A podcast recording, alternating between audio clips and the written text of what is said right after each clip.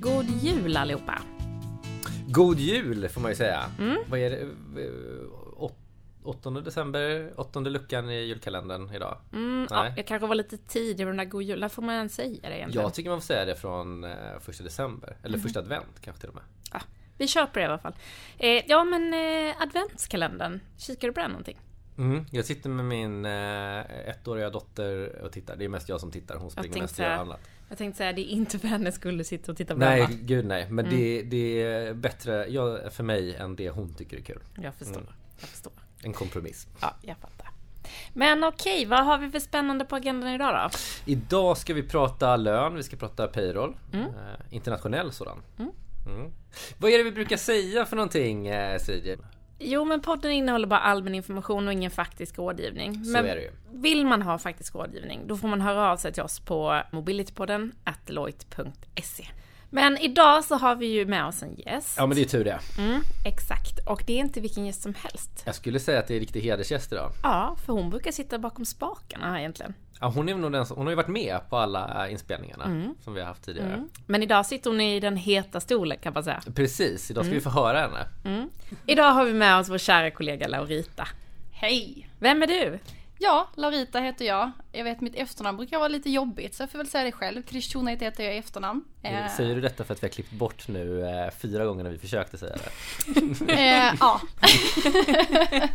Men eh, jag är ju consultant inom G som det så fint heter hos oss. Jag har varit på Deloitte snart tre år. Tiden går snabbt. Jag jobbar ju tillsammans med er. Egentligen så specialiserar jag lite mer inom vår Global Payroll Management grupp som jobbar just med payroll. Och eh, vad är det här med global payroll då? Bra fråga. Jag försökte, jag ställde den frågan för mig själv och eh, tänkte hur ska man förklara det så enkelt som möjligt. Egentligen så, eh, det finns väldigt mycket som ingår i det. Eh, självklart är det ju traditionell lönehantering eller löneadministration som vilken ja, men, löneavdelning håller på med Eh, på företagen. Men vi, eh, eftersom vi jobbar med internationella bolag i internationella sammanhang så är det mycket mer än så. Man kan väl säga att vi hjälper våra klienter eller assisterar deras HR, finance eller payroll-funktioner med frågor, ja, med frågor som relaterar till lön eller kompensation egentligen som man utgör till sina anställda som jobbar tvärs över landsgränser. Och detta är då för att rapportera rätt eller? Exakt, precis. Vi jobbar ju från ett svenskt håll såklart. Eh, men vi har ju folk då som fly- förflyttas över landsgränser eh, och det finns ju olika skyldigheter, bland annat också då när det kommer till rapportering eh, gentemot Skatteverket till exempel, som vi assisterar med. Okej, men liksom så här, om man tänker sig då konkret hands-on. Vad, vad, vad gör ni på dagarna? Ja, vad gör vi?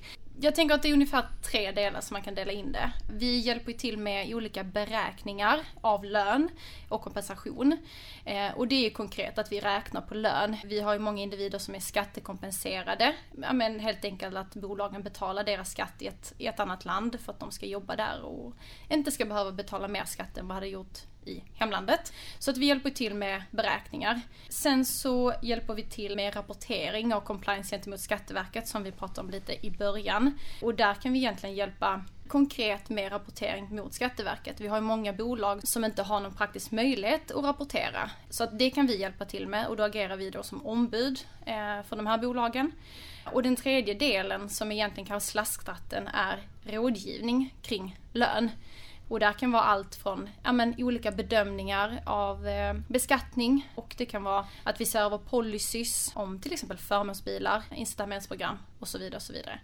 Det är väldigt mycket men det är ungefär de tre delarna som man kanske kan banta ner det till. Men Laurita, vad är svårigheterna med global payroll? Det svåra är ju just att det är internationellt. Det är olika länder och olika regler som egentligen samspelar. Vi är ju experter på svensk lag, men vi måste ha i åtanke att det är andra länder som är eh, involverade.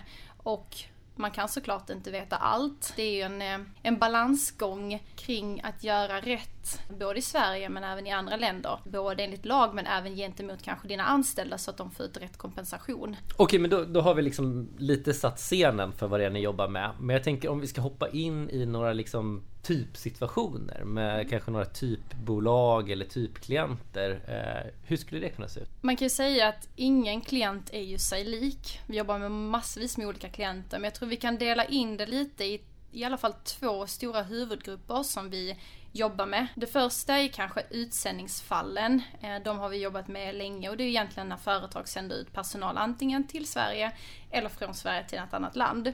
Eh, och där har oftast då individerna eh, beroende såklart på avtal och så vidare. Kanske en garanterad nettolön som de ska få ut. När det kommer till rapportering då mot myndigheter så ska man ju såklart rapportera en bruttoinkomst. Och då ju, kommer vi ju in där, hur beräknar man en bruttolön enligt svenska skatteregler?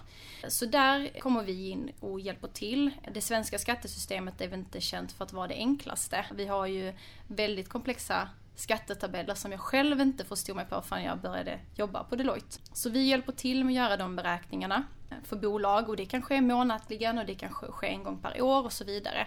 Det finns som sagt en mängd olika situationer. Det viktiga där är ju egentligen att den anställda inte ska påverkas negativt av att arbeta i ett annat land. Spännande. Mm. En annan del av det hela är ju bland annat att man kan bli utsänd till ett annat land och få eftersläpande ersättningar. Till exempel man eh, jobbar i Tyskland och blir utsänd till Sverige, men då får man utbetalt sen bonus som man tjänat in i Tyskland. Och då är frågan, ja men hur ska det då hanteras i Sverige för att individen får det utbetalt när personen jobbar och bor i Sverige. Och då har vi något eh, som heter kontantprincipen i eh, svenska skattesystemet som man får förhålla sig till. Så väldigt mycket sådana frågor. men en annan aspekt på det hela som jag kan tänka mig ställa till det, det är ju det här med arbetsgivaravgifter. Mm. Det är ju mm. inte helt lätt att veta om man behöver rapportera eller inte. Mm. Absolut, och, och det är det lite som är saken, eller som är det komplexa. Att vi har skatteregler att förhålla sig till. När ska man innehålla skatt? När ska man rapportera skatt i Sverige? Vi har ju då den andra aspekten, sociala avgifter. Det kan ju vara så att man faktiskt inte behöver betala någon skatt. Men man behöver göra rapportering i Sverige på grund av att man omfattas av svensk socialförsäkring. Och de casen är kanske vanligast då när man blir ja, men utsänd till ett annat land mm. och ska betala skatt i ett annat land. Men man ligger kvar i socialförsäkringen och då måste man fortsätta rapportera lönen i Sverige. Det kan vara ganska komplext att koda upp det här rätt också i systemet, tänker jag, om man också tänker till kring att det kan komma eftersläpande ersättningar mm. som också ska vara underlag för skatteavdrag just för att de är eftersläpande, tänker jag. Absolut, mm. och där ser vi också utmaningar som vi tampas med, det här att förstå klienternas lönesystem. Alla är inte anpassade till att hantera de här situationerna eller kunna ha olika inställningar i sina personalregister över skatt, inte skatt, SOS, inte SOS och så vidare. Eh, och där krävs det ganska mycket manuell handpåläggning ja, men av de som ska rapportera lönen, payroll-avdelningen, som sköter det inhouse. Och där hjälper vi ju till ganska mycket just för att det ska bli rätt. För att ett lönesystem, på ett sätt är det ju ganska fyrkantigt. Du måste kontrollera det som går ut mot Skatteverket. Och som anställd kan jag tänka att det är svårt att förstå om det ens är rapporterat rätt bara av att titta på en lönespec. Absolut. Egentligen en sån här vanlig grej som pajar lönesystemen att en person behöver ha två individuppgifter. Det vill säga den här informationen som går till Skatteverket. Absolut. Eh, och, och, det vill inte lönesystemet ställa upp på utan de vill ha en. Nej, vi får ofta svar att eh, det här kan vi inte göra över ett lönesystem. De, som sagt, de är inte anpassade mm. till att kunna göra detta. Men okej, om vi ska gå över lite mer på de som är på bruttolönekontrakt, vad gäller för dem? Precis, det är ju den andra kategorin som vi kan ha märkt egentligen på senare år att vi behöver assistera mer och mer. Och det är ju egentligen, bakgrunden till det är de nya reglerna som infördes 2021. Där utländska arbetsgivare som har personal som arbetar i Sverige behöver innehålla skatt och rapportera till Skatteverket. Och många av de personerna de har en vanlig bruttolön precis som, som ni och jag och ska betala vanlig skatt. De kanske råkar ha då en arbetsgivare, om vi tar Tyskland igen till exempel, men att de sitter här i Sverige. Vi har klienter som kontaktar oss och säger men jag har suttit här i många år. Vad innebär det för mig? Tidigare som anställd, om man då jobbade i Sverige och hade en utländsk arbetsgivare, kunde man betala in sin egen skatt. Arbetsgivaren behövde inte göra så mycket så länge man inte omfattades av svensk socialförsäkring. Medan efter att den nya lagstiftningen infördes så har man lagt över den skyldigheten på arbetsgivaren. Och där ser vi ju att det är ganska problematiskt för utländska företag att sätta upp det här. Man har inte behövt det innan, men man behöver ju också anpassa sina egna system till att kunna innehålla svensk skatt. Därför har vi jättemycket frågor, hur gör vi det rent praktiskt? Hur betalar vi in en skatt i ett annat land eh, till ett skattekonto i svenska kronor dessutom? Hur gör vi rapportering? Det är inte lika lätt när man inte har ett så svenskt bank-id och jag förstår att det är i princip omöjligt att få ett sånt om man är utländsk person. Exakt. Inte personen där, att man bor utomlands.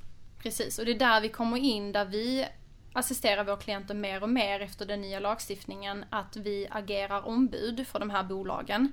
Eh, precis som du säger så för att kunna rapportera via Skatteverkets e-tjänst så måste man ha eh, ett personnummer, eh, ett bank-id för att kunna, men för att kunna logga in. Och det är ju för att man ska kunna rapportera smidigt digitalt. Och där går vi in och gör det för de utländska bolagen. Alternativet är såklart att man kan rapportera på papper. Men det innebär ju också att du måste varje månad signera en blankett, skicka in det med snigelpost in till Skatteverket och hoppas på att eh, de blanketterna inte, inte kommer bort. Svårt att få någon överblick också, lite på vad man har gjort tänker jag. Jämfört med Väldigt när man, man gör det digitalt och liksom kan se exakt liksom vad som har gått in. Precis, och som sagt, det är inte säkert ens att det kommer in rätt, eller att det kommer in i rätt tid.